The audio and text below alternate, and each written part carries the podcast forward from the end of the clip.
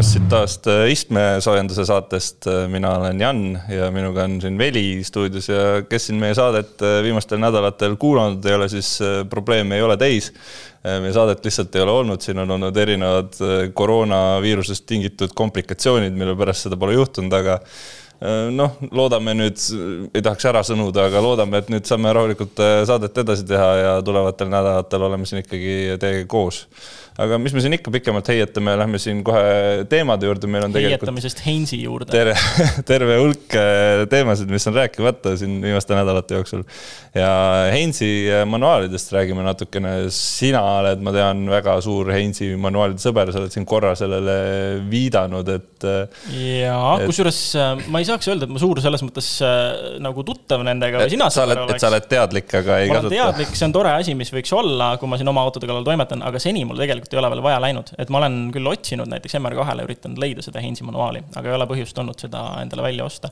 aga väga toredad asjad, et kes ei tea, siis põhimõtteliselt see on äh, õpetus, äh, kuidas oma auto algusest lõpuni pulkadeks lahti võtta ja pärast ka kokku panna. nojah, ja Heinzi manuaal võrreldes siis nii-öelda tavalise tehase manuaaliga, ega te tehase need nii-öelda remondimanuaalid on ka olemas, mis siis tehnikutel näiteks mm -hmm. esindustes on, on ju. et Heinzi manuaal võrreldes selle tavapärase tehase manuaaliga on ka oluliselt lihtsam ja selline, ta ongi mõeldud inimesele, kes nii-öelda auto kallal nokitseb, mitte keegi, kes. juures on ju, et kus keera see lahti mm, -hmm. pärast kui kinni paned, siis vot nii kõvasti, noh, nagu natukene täpselt nagu sama asi, millele sa tähelepanu juhtisid, aga lihtsalt veitsa lihtsam ja, ja piltidega.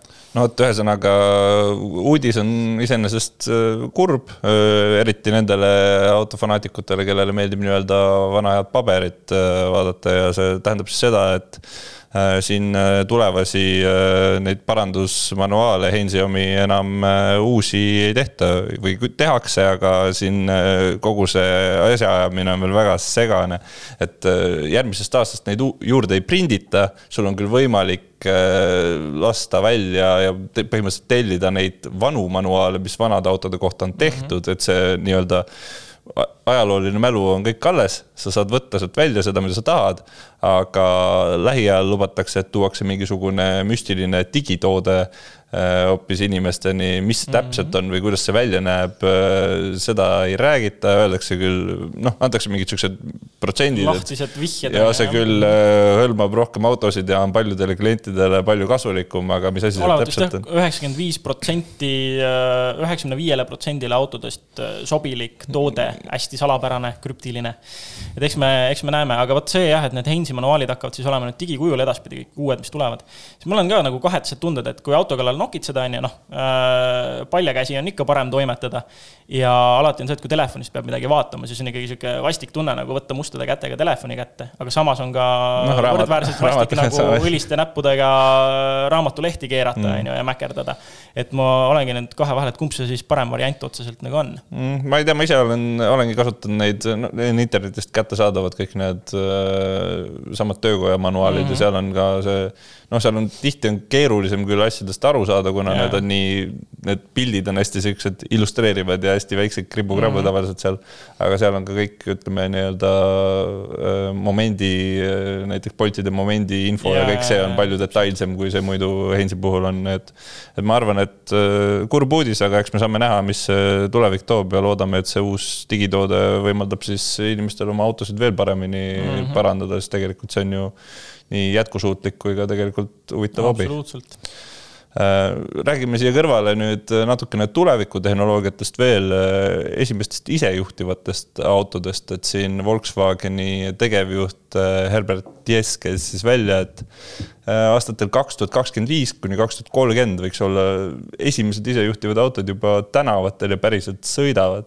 mis sa arvad, kas tundub mingi realistlik äh, vaade sellele asjale? nii ja naa, see noh, tema põhiline ennustuse alus on see, et äh, protsessorite ja tehisintellekti vallas toimuvad arengud võimaldaksid seda aga noh, jällegi see on see, et selline auto võib tõesti saada päriselt valmis, on ju ta võib olla valmis liiklema, suuteline selleks, äh, suuteline toime tulema erinevate probleemsituatsioonidega, ootamatustega.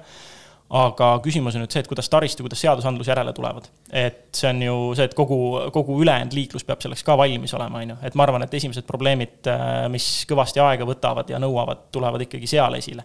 et see nii-öelda valmis toote tegemine ei pruugi isegi olla see kõige suurem pudelikael ajalises mõttes siin aga siin on ka teine asi see, et noh, äh, kahetised tunded üleüldse isejuhtivate autodega, et ma ei tea, kuidas nagu sul on, et kas sa ootad seda ja tahaksid ise proovida või, või kuidas see sulle üldse tundub? me oleme siin tegelikult seda ka puudutanud ja tegelikult ma olen ka mõne nii-öelda isejuhtiva auto äh, sõitjate ruumis vähemalt äh, viibinud.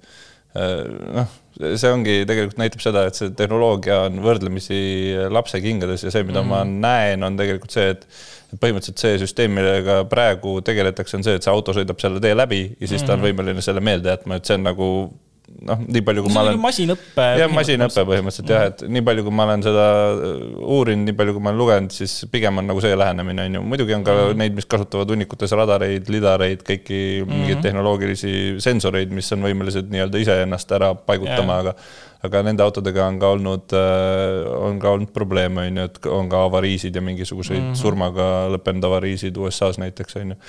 Aga minu arust äh, üks huvitav mõte selles vallas täpselt, mis DS välja tõi ka oma jutus ja see on see, et äh, ega inimesed ju tegelikult ei usalda neid, enamik inimesi ei tahaks sõita praeguses mm -hmm. perspektiivis vaadatuna sellise autoga, mis ennast ise juhiks. Aga see küsimus on selles, et need autod peavad olema lihtsalt nii palju kordi turvalisemad, et need peavad olema sada või tuhat korda turvalisemad kui praegused autod ja kui me näeme, et liiklussurmade vähendamisel on sellest päriselt kasu mm, -hmm. siis see on nagu see argument, millega inimesi saaks enda poole võita, sest paljudele inimestele tegelikult meeldib sõita, see aitab neil, aitab neil oma mõtteid kuhugi mujale suunata ja tegeleda mingi muu asjaga, et, et selles mõttes see on huvitav äh, mõte tema poolt, ma arvan. jah, ja seal on ju see ka, et noh, teoorias me võime rääkida sellest, et, et tõesti, kui äh, noh, lõppkokkuvõttes masin kindlasti, äh, andes piisavalt aega, saab olema turvalisem juht kui inimene, sest inimene on ikkagi eksimustele aldis loom, on ju. Aga jah, kui kaua sinna aega läheb, teiseks on see, et kui need äh, isejuhtivad autod saada nii ideaalselt toimima, nagu tehnoloogia seda võimaldaks või nagu niisugune ideaalplaan seda võimaldaks, siis inimesele võib suhteliselt hirmus seal autos olla. sest et kujuta nüüd ette liiklusvoolu, kus äh, kõik autod üksteisega suhtlevad. Äh, see on niisugune mm, liiklusvoolu teooria üks selline noh, ongi teooria, et kõige voolavam liiklus saaks olema siis, kui ei ole mingeid foore, mitte midagi, lihtsalt kõik autod suhtlevad üksteisega ja ristmikud ongi ribu-räbu, risti-rästi autod sõidavad läbi üksteise eest väga napilt ja lähedalt, aga nad suhtlevad üksteisega, keegi kusagil kontakti, kontakte ei toimu, et see on nagu veel hullem edasiarendus sellest, mida me mingitel India suurtel ristmikel näeme. ma just tahtsin sama öelda, et eks inimesed ja. on ka selle juba äh, ikkagi äh, ja. meisterlikult omandanud. et ma arvan, et see võtab kõvasti harjumust, et samamoodi nagu noh, jah, isejuhtiv auto, kui andes piisavalt palju aega, on kindlasti kõige kõige turvalisem lahendus üldse, siis ähm, samamoodi andes piisavalt aega, peaks CVT olema kõige võimekam käsi või kõige võimekam käigukast üldse, aga kas ta on seda, ta on kõige igavam asi, mis nagu üldse hetkel autode küljes suht olla saab äh,. isejuhtivad autod peaksid olema rajal äh, lõpuks kõige kiiremad masinad üldse, aga jällegi katsetatakse ja tehakse ja mõned ringid on nagu mõned masinad suutnud teha ja võrdväärselt inimjuhtidega aga see võtab kõik nii palju aega ja harjumist, et äh, noh, mina igatahes ma arvan, et oma eluea jooksul ma ikkagi äh, sõidan äh, päriselt kuni oma viimaste eluaastateni. no vaatame, kumb siis peale jääb, kas sina või Herbert Jess aga kui me siin juba, juba selle lõkke põlema panime ja esimese törtsu bensiini ka sinna ära valasime, siis ega me saame ju sellega ainult edasi minna ja räägime jälle elektriautodest ja sellest, kuidas neid ära tahetakse keelata või tähendab, mitte elektriautosid siis ära keelata, aga sisepõlemisauto, sisepõlemismootoriga autosid ära keelata. ja nüüd on ka jaapanlased äh, tulnud välja sellise mõttega, et kahe tuhande kolmekümnendate aastate keskpaigaks võiks siis äh, sisepõlemismootoriga vähemalt nii-öelda täieliku sisepõlemismootoriga olla kööga mm. -hmm. et nad on küll öelnud, et hübriidi nad võivad edasi müüa, seal on ka ilmselge põhjus, miks nad seda teevad, sellepärast et jaapanlaste üks kõige suuremaid autotootjaid on nii palju investeerinud lihtsalt hübriidide arendusse, et oleks patt see kõik nagu veega alla lasta. Aga, aga ühesõnaga, meil on siin tegelikult pikk nimekiri riike juba või isegi piirkondi siis äh, ikkagi tekkinud, kes on siin lähema kahekümne, kümne, viieteist aasta perspektiivis äh, autodest äh, sellisel praegusel kujul lahti ütlemas. jah, no siin näiteks äh, Taani näitel on ju, et Taani tahab aastaks kaks tuhat kolmkümmend teedele tuua vähemalt seitsesada seitsekümmend viis tuhat elektri- või hübriidautot, et oma seda siis süsiniku heitme, süsihappegaasi heitmeid vähendada. et et äh, ka neil on see mõte, et tegelikult sisepõlemismootoriga autod üldse ei keelustada, aga hetkel on see veel Euroopa Liidu reeglitega vastuolus. aga vist oli jah, kas üksteist või kaksteist liikmesriiki, kes juba ikkagi jõuliselt tahaksid seda rakendada ja soovivad lobida siis äh, Euroopa Liitu, et, et seda reeglit ka no ega Euroopa Liit on siin tegelikult praeguseks ka mingisugused numbrid juba välja käinud, ma küll ei mäleta, mis need täpselt olid niimoodi siin peast, aga nad ka ikkagi rääkisid äh, kümnetest miljonitest elektriautodest, mis siin mm. lähema paarikümne aasta jooksul peaks kogu liidus hakkama vurama aga praegu on ka hea hetk üle vaadata, kes siin mingid konkreetsemad lubadused on teinud, ma sellise vahemärkusena ütlen enne, et siin on natukene segadust ka selles vallas, et mõned ongi öelnud niimoodi nagu Jaapan, et nad äh, lubavad ka hübriidide müüki, mõned on öelnud, et ka hübriidid on sellest ajast keelatud.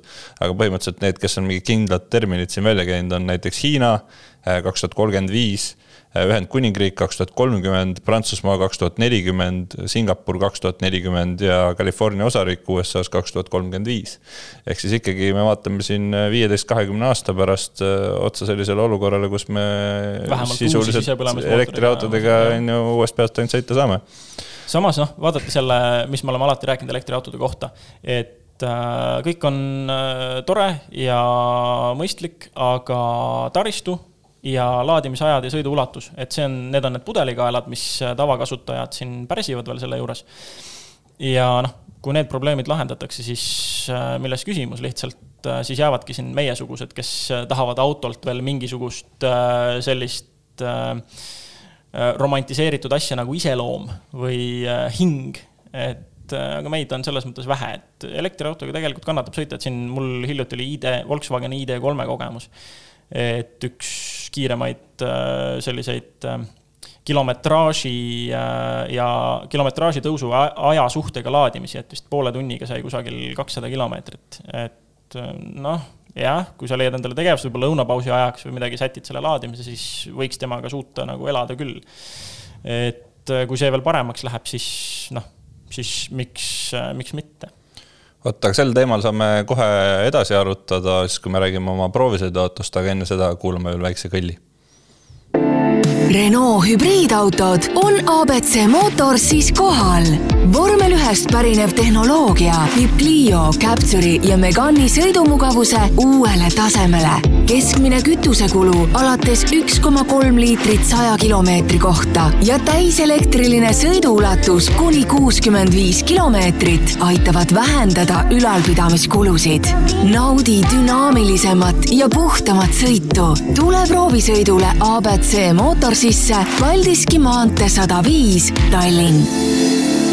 nagu siin äh, nagu klipp viitas, siis äh, hakkame rääkima Renault'st ja, ja pistikhübriidist. meil oli siis äh, Megane Grand Tour selle nädala proovisõiduauto ja ma alustaks võib-olla sellest, et äh, räägiks natuke erinevustest tavamudeli hinna ja pistikhübriidi hinna vahel, kuna see on ikkagi Eesti tarbija oma mm -hmm. autovalikul on väga hinnatundlik. siis äh, tavamudeli puhul me räägime kaheksateist kuni kahekümne seitsmest tuhandest eurost umbes ja pistikhübriid viib siis selle kuni kolmekümne kahe tuhande euroni, et kakskümmend üheksa kuni kolmkümmend kaks on siis see hinnavahemik, mis on, ütleme, selline suhteliselt keskmine või isegi pigem odavapoolne pistikhübriidi hind on on ju, et me oleme siin ka mm. näinud pistikhübriide, mille hinnad on siin kuskil nelikümmend, viiskümmend, kuuskümmend tuhat, et et selles mõttes midagi müstilist äh, see hind iseenesest ei ole. noh, samas blankversioonile paneb ikkagi üksteist tuhat otsa. seda küll aga ma arvan, et äh, alustame, kuidas soovid, seestpoolt väljapoole, väljaspoolt sissepoole no,. räägime väljast enne, siis seest ja siis sõiduelamusest. okei okay,, me juba jõudsime siin tegelikult äh, enne natukene arutada seda välimuse asja ja, ja siin kolmandad osapooled, kes siin laua taga meiega ei istu, ütlesid, et, et need uued Renault on ju päris ilusad mina ei saa selle arvamusega päri olla, et äh, ma ei ole suur äh, Renault just see välise disaini fänn. See ei ole midagi silmakriipivat, aga see ei olegi midagi sellist, mida no, ta ma... ei ole nagu ka sihuke jah, meeli ülendav otseselt on ju, ta, ta ongi täpselt sihuke keskklassi autole kohane, mm, mõistlik funktsionaalne disain, ütleks. ma ütleks, ma ütleks täpselt seda, et kui ma tahaks äh, nii-öelda praktilist välimust mm, -hmm. mis mhm. ei oleks efektne, siis ma tahakski, et see oleks nagu hall hiirek, et ma ei paneks seda tähele. Renault ma panen tähele, aga see ei ole minu jaoks nagu see ei ole positiivne tähelepanek ka, et noh, ma ei, ma ei ütle, et ta on kole, aga ma isiklikult välimuse järgi teda ei valiks Mm -hmm. aga noh, samas see on. vot kui hea, et me ei ole ainult välimuse järgi valivad äh, valivad inimesed siin. aga see on puhas maitse küsimus loomulikult, et. et noh, näiteks mulle talismann, äh, mida siin ka välja toodi selle diskussiooni käigus, mulle mingil põhjusel isegi talismann täitsa meeldib. et ma saan aru, mis Renault on temaga üritanud teha ja sihuke kõrgema klassi masinad ja minu arvates ta kannab selle välja, et võib-olla osalt seda rolli muidugi aitas kinnistada ka see, et kui ma käisin kunagi, ma ei mäleta, mis aasta see oli, kaks tuhat kuusteist äkki, Cannes'i filmifestivalil, siis seal oli just talismann ametlik äh, festivali auto mm,. ja need must, jah, prestiižsed mustad talismanid muudkui vurasid ringi, et see nagu jättis sellise, sellise mm, mälestuse küll sellest kui ikkagi kõrgema klassi masinast. no näed, kui lihtne on mõjutada sind ikkagi no,. aga ma läheks interjööri juurde, sest ma tahaks tegelikult headest asjadest ka rääkida. Äh, ma alustaks sellest, et istmed, vähemalt selles äh, meie nii-öelda klassis, mis oli siis RS on ju, see mm -hmm. varustusklass on ju. et seal olid istmed olid mugavad, olid paraja laiusega, samas nad olid piisavalt kül-, piisavalt oli külgede tuge, on ju. Mhm. üldse materjalid, mis olid kasutatud, olid ka, mul ei ole mitte midagi ette heita selle koha pealt, ei olnud mingeid klõbisevaid plastikuid, ei olnud mingeid kolinaid, kuigi noh, ütleme praegu on ilmad on täpselt sellised, et kõik need mingisugused asjad, mis kuskil ja, hakkavad täpselt. mängima, need peaks kõik kuulda olema kui me rääkisime siin ühes saates sellest, et äh, uste inseneeriast. siis ja. Äh, selle auto puhul oli täpselt seda märgata, kuidas uksed olid nii-öelda tundusid kohe rasked, tundusid siuksed kvaliteetsed. Äh, see oli, see oli midagi, mis mul lihtsalt sellesama diskussiooni valguses nii-öelda meelde tuli. Äh, pearuumiga ei olnud probleemi mm, minul ei olnud istumisega probleemi nagu tavaliselt. taga saavad noh, ütleme kolm minu suurust saab seal ka istutud ise, iseenda taga nii-öelda. jah mm, -hmm. ja kaks äh, saab nagu väga vabalt istutada, on ju. ja pagasiruumi oli lademetes, selles mõttes ei ole ka probleemi Uh, mis sa helisüsteemist arvasid ja noh, multimeediast üleüldse? noh, multimeediasüsteem mulle Renault üldiselt on äh, meeldinud, mulle meeldib mm. see nende, see rullik, äh, see kontroll seal nii-öelda seal ja, rooli taga, et see on hästi intuitiivne, hästi selline loogiline, et sa ei pea vaatama, kus need nupud on, on ju, sa tajud mm, -hmm. sa tead, ülemine on, keerab volüümi üles. see on ka alati jah, mul Renaultesse ja Daciatesse istudes on see, et korraks sa nagu mõtled sõidu ajal, et oot, kuidas ma lugu vahetasin ja siis tuleb, aa, vot siin on see mm -hmm. ja siis on siis on kohe meeles ja hästi-hästi mugav. et seal ei ole jah midagi meelde tuletada. aga ma arvan, et tegelikult me peaksime rääkima ka ajamist, mis on selle auto puhul oluline, et sellel on siis kuuekümne hobujõuline ühe koma kuue liitrine hübriidbensiinikas ja, ja mida ma tajusin, eriti võrdluses siin mingite teiste hübriididega, mida me hiljuti oleme proovinud, eriti võrdluses näiteks selle Clio hübriidiga mm, -hmm. on see, et äh, ta on tasakaalukam, äh, ta on äh, rafineeritum mm, -hmm. ta üleminekud ei ole nii järsad, järsud, et, et kui ma siin Äh, sest samast Cliost rääkides tõingi selle mm. välja, et, et, et see on rabe, see hübriidmootor ja, ja kogu see hübriidsüsteem. kuidagi jõnksutav on ju veitsa. siis äh, selle puhul seda ei olnud, jah, seda oli võimalik äh, kunstlikult nii-öelda välja tuua, kui sa leidsid mm -hmm. täpselt selle punkti üles, kus see nii-öelda elektrimootori ja, ja, ja siis seda oli võimalik teha ja siis auto korraks natukene sattus segadusse, et okei okay,, mis ma teen nüüd, kas ma lähen elektriga, kas ma lähen selle sisepõlemismootoriga. mind huvitab kusjuures see, et just kuna siin võrdluses Clio hübriidiga on ju et äh, kas see on midagi, mida tehakse täiesti teadlikult või see ongi siis sõiduki arenduseelarve, et noh, odavamal sõidukil on väiksem arenduseelarve ja selle käigus lihtsalt ei pööratagi nii palju mm. tähelepanu sellele tarkvaralisele poolele just selle üleandmisega seoses. või on see midagi, mis on tahtlikult sisse kirjutatud, samamoodi nagu see uste sulgumise hääle inseneeria on mm. täiesti nagu mudelist sõltuvalt sinna alla raha pandud, et see kõlaks kuidagiviisi, on ju et huvitav, et kas see on tahtlik või mitte. no ma arvan, et see küsimus jääb siin äh, ikkagi inseneridele vastata tuleb ise Renault'sse tööle minna ja nendele inseneride joonistele asjadele ligi saada.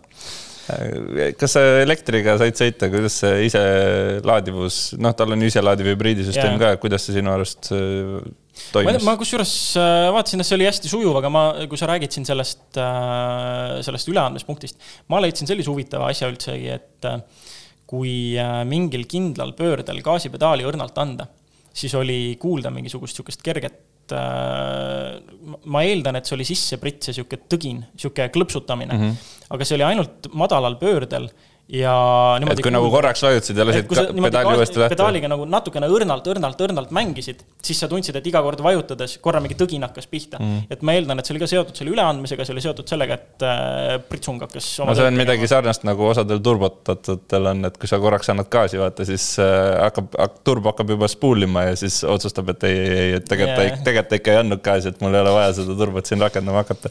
et eks see on vist sarnane asi aga muus-, ei jah, ma selles mõttes mulle tundus ka kogu see kompott äh, ma proovisin nii seda, mis ta nimi nüüd oligi, see, mis ise otsustab, siis mm -hmm. see sõidurežiim, mis ise otsustab, et kuidas ta jagab seda tööd ja proovisin sporti ja üleüldiselt niisugune sujuv mulje ikkagi. no ma ütleks, et sõidurežiimid võib-olla ei olnud ka kõige parem osa sellest, et seal mm. oli liiga palju mingisuguseid lisavalikuid ja need sõidurežiimide nimed ei anna aimu sellest, mis see tegelikult on, et noh, ütleme, kui sa oled nii-öelda korralikult enne läbi tudeerinud kogu selle mm. oma auto käsiraamatu, siis jah, sa tead, mis režiimid need on, sa tead, mis on seal mingisugused lisalinnukesed, millega sa saad yeah. aku energiat salvestada ja millega sa ei saa seda salvestada mm., aga ütleme, seda intuitiivsust oli puudu, et kui meil on, kui me eeldame ikkagi, et keskmine autoomanik ei viitsi kõike seda läbi lugeda, tahaks oma autoga mhm. lihtsalt sõita, on ju, võib-olla aeg-ajalt režiimi vahetada, siis äh, on väga keeruline meeles pidada, et mis režiim siin mida teeb, on ju aga kui me räägime siin äh, ikkagi sellest laadimisest, siis see on ju ka väga oluline osa selle auto juures, et kui, kui, kui inimesel ikkagi on pistikhübriid, kui me rääkisime mm -hmm. siin, et see toob ka hinnas ikkagi ütleme, peaaegu pool juurde, siis äh, tegelikult see on oluline argument ja, ja ma ikka ja jälle põrkun pistikhübriidide puhul selle küsimuseni, et neid ei ole kuskil laadida, kui sul ei ole võimalik seda kodus teha.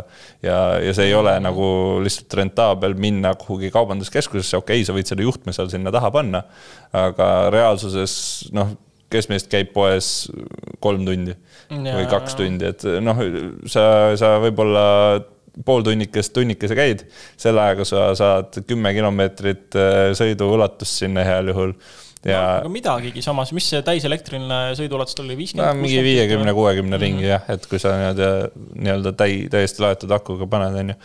aga noh, ma ütleks, et see on, see on natuke probleem pistikhübriididega ja see on ka midagi, mida tuleb kindlasti silmas pidada, kui pistikhübriidi poole vaadata ja sa pead teadma, et sul on kodus see mhm. võimalus olemas. Õnneks praegu paljud äh, pakuvad ka seda, et äh, kui sa ostad kas pistikhübriidi või elektriauto, siis sa saad selle seinalaadija kaasa, on ju, ja see kindlasti teeb äh, elu palju lõbusamaks. et lihtsalt sellisena noh, mul ei ole näiteks võimalust seda laadida ja sellised on ka väga keeruline pistikhübriidiga sõita tegelikult ja, ja just katsetada seda pistikhübriidi nii-öelda funktsionaalsust aga räägime siin äh, vast lõpetuseks äh, sellest, kuidas sõit oli. kas sa viisid ta sinna oma kurvilisele, kur, kurvilisele teele? viisin, tegin temaga päris pika tiiru, üritasin natukene kütusepaagis olevat kütust vähendada. väga hästi ei õnnestunud, ta mul siin alustasin vist nii, et tal oli kogu eluea peale keskmine kütusekulu kuussajale, mis on selles mõttes noh, see on jällegi tema auto asi, et ikkagi äh, sõidetakse natukene tiivustunumalt, kui siin äh, tavaomanik sõidaks, on ju mm -hmm., tavakasutaja. ja ma suutsin selle kergitada vist mingisugune kuue koma kahe peale äkki oma sõiduga.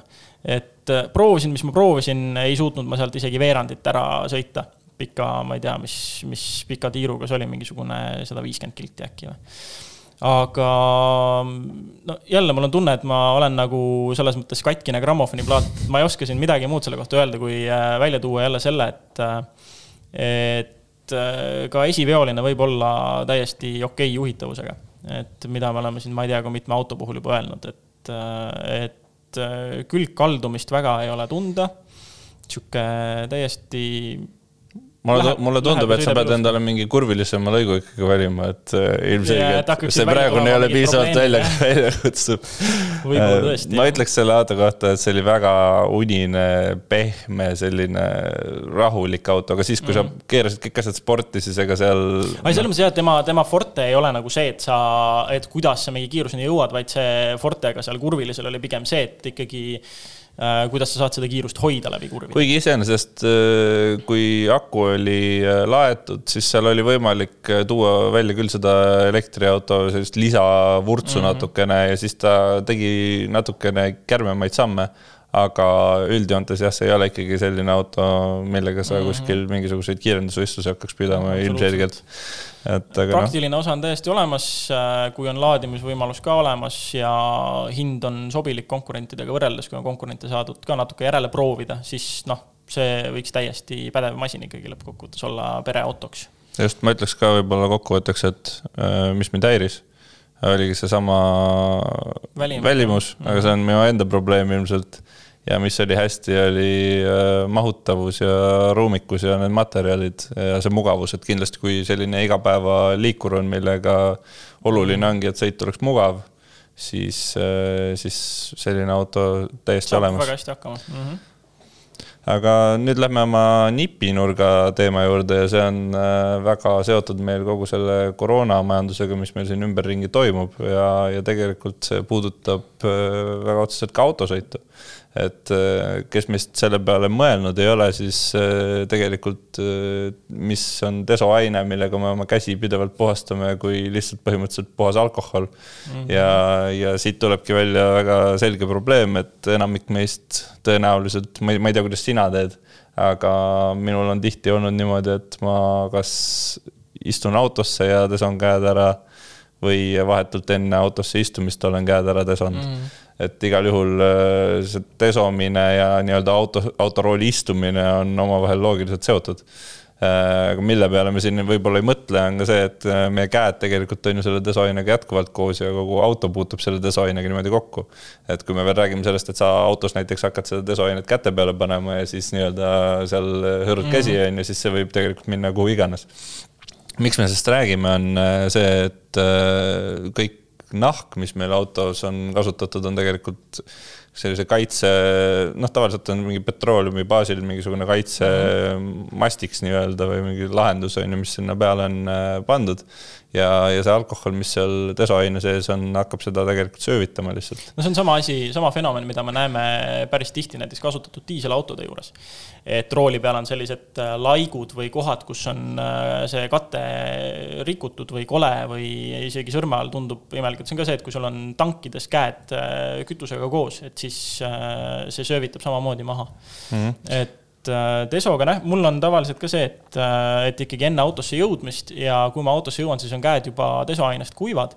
aga see ei ole midagi, mille peale ma teadlikult oleks seni mõelnud, kuni, kuni ma ka kokku puutusin sel-, nende soovitustega, et äh, aga samas on jällegi see, et soovitus on küll jah, et lasta on ju käed ära kuivada, enne kui sa autorooli üldse näpid ja et mitte autos käsi desoda, sest see võib siin mingitele muudele nahkpindadele minna. aga kuidas see siis noh, on ka inimesi, kes äh, desovadki terve rooli üle, enne kui nad sõitma hakkavad, on ju, et kuidas see siis. no see on äh, tegelikult kõige hullem äh, case, mille, mille juurde ma ka nagu ise jõudsin, et ma leidsingi kuskil foorumist ja ma olen tegelikult ka kuulnud seda mm, -hmm. et mhm. inimesed teevad niimoodi, et no võtavadki reaalselt kas spreideso mm -hmm. või võtavad desoaine, panevad mingisuguse rätiku peale ja lasevad ümber terve rooli mm. -hmm. et see on nagu kõige halvem asi tegelikult, mida sa saad teha, sa tõmbad tervelt roolilt selle kaitsekihi lihtsalt maha.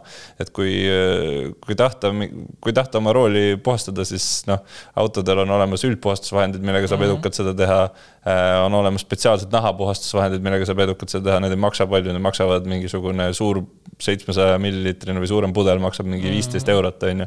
no aga samas mingi..., kui me mõtleme sellele nüüd äh, nii-öelda turvalisuse poolele, et sa tuled näiteks suurest poest. käte desomise seisukohast, jah? selles mõttes, et kui sa tuled poest, sul on poekotid, on ju, poekoti sees on äh, potentsiaalsed saastunud esemed, mida sa kõike ei ole ilmselgelt ükshaaval üle desonud. sa võtad, sa paned selle koti näiteks, teed kõrvaliste ukse lahti, paned koti autosse see on juba pärast käte desomist, on ju. võimalik, et sul on uuesti mingisugused, äh, selle käigus sa saad kokku erinevate toredate viiruste ja bakteritega. ja siis sa lähed sinna, näpid seda rooli näppima, ilma et sa oleks selle puhtaks teinud, on ju, et mis see teine aspekt on, et kuidas siis äh, veenduda, et autos sees sul ei ole mingisuguseid pisikuid, et mis vahendeid siis selleks nagu kasutama peaks, et vaevalt, et keegi vaevalt, et keegi viitsib äh, siin iga kord poest tulles kasutada mingeid spets ainult auto nahkpindade jaoks mõeldud vahendeid, et need ka viirustest ja bakteritest puhastada. ega tegelikult seda ei olegi sellisel määral vaja, et äh, nii palju, kui ma lugen, nii palju, kui ma olen erinevaid uuringuid äh, lugenud, siis äh, tegelikult on ju see, et äh, see viirus pindadel äh, püsib, aga ta ei püsi seal näiteks äh, külmas, ta ei püsi seal mm. näiteks päikesevalguse käes, on ju.